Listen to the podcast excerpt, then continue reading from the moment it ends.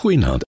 Ek wil hierdie klein reeksie aandoordenkings van my afsluit met een laaste loflied aan die Here vandag.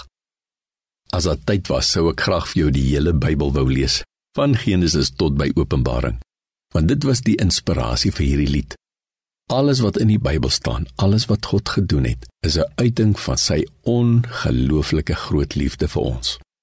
Die dag toe ek hierdie lied gemaak het, was ek weer opnuut onder die indruk van die grootsheid en die almag en die wonderlikheid van die Here. En die feit dat hy wat so groot is, kan afbuk om vir my en vir jou in ons oë te kyk en vir ons te sê hoe lief hy vir ons ook is.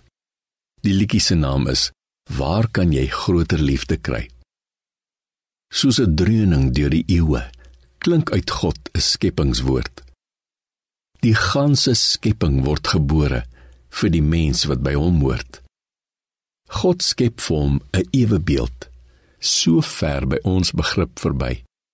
Want waar kan jy ooit in ewigheid groter liefde kry?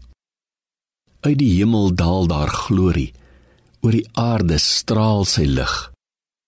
'n Vrye keuse om as dienaar ons sondaars op te rig.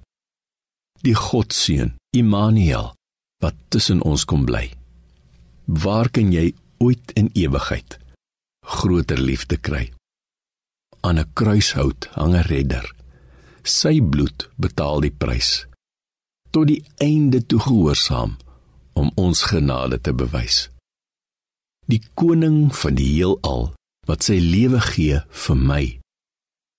Waar kan jy ooit in ewigheid groter liefde kry? Op die wolke kom die koning om sy kinders te kom haal. God die Vader nooi ons almal na sy seun se bruilofsmaal. Hy is die allerhoogste skepper, Vader, Seun en Gees.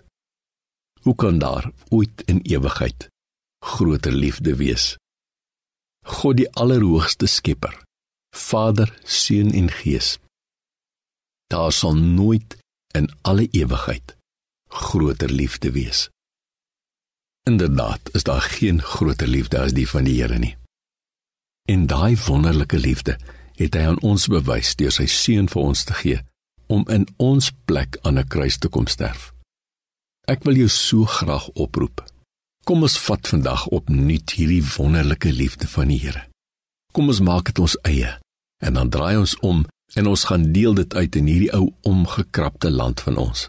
Die liefde van die Here in ons hande is die oplossing vir ons land se probleme. Seën vir jou.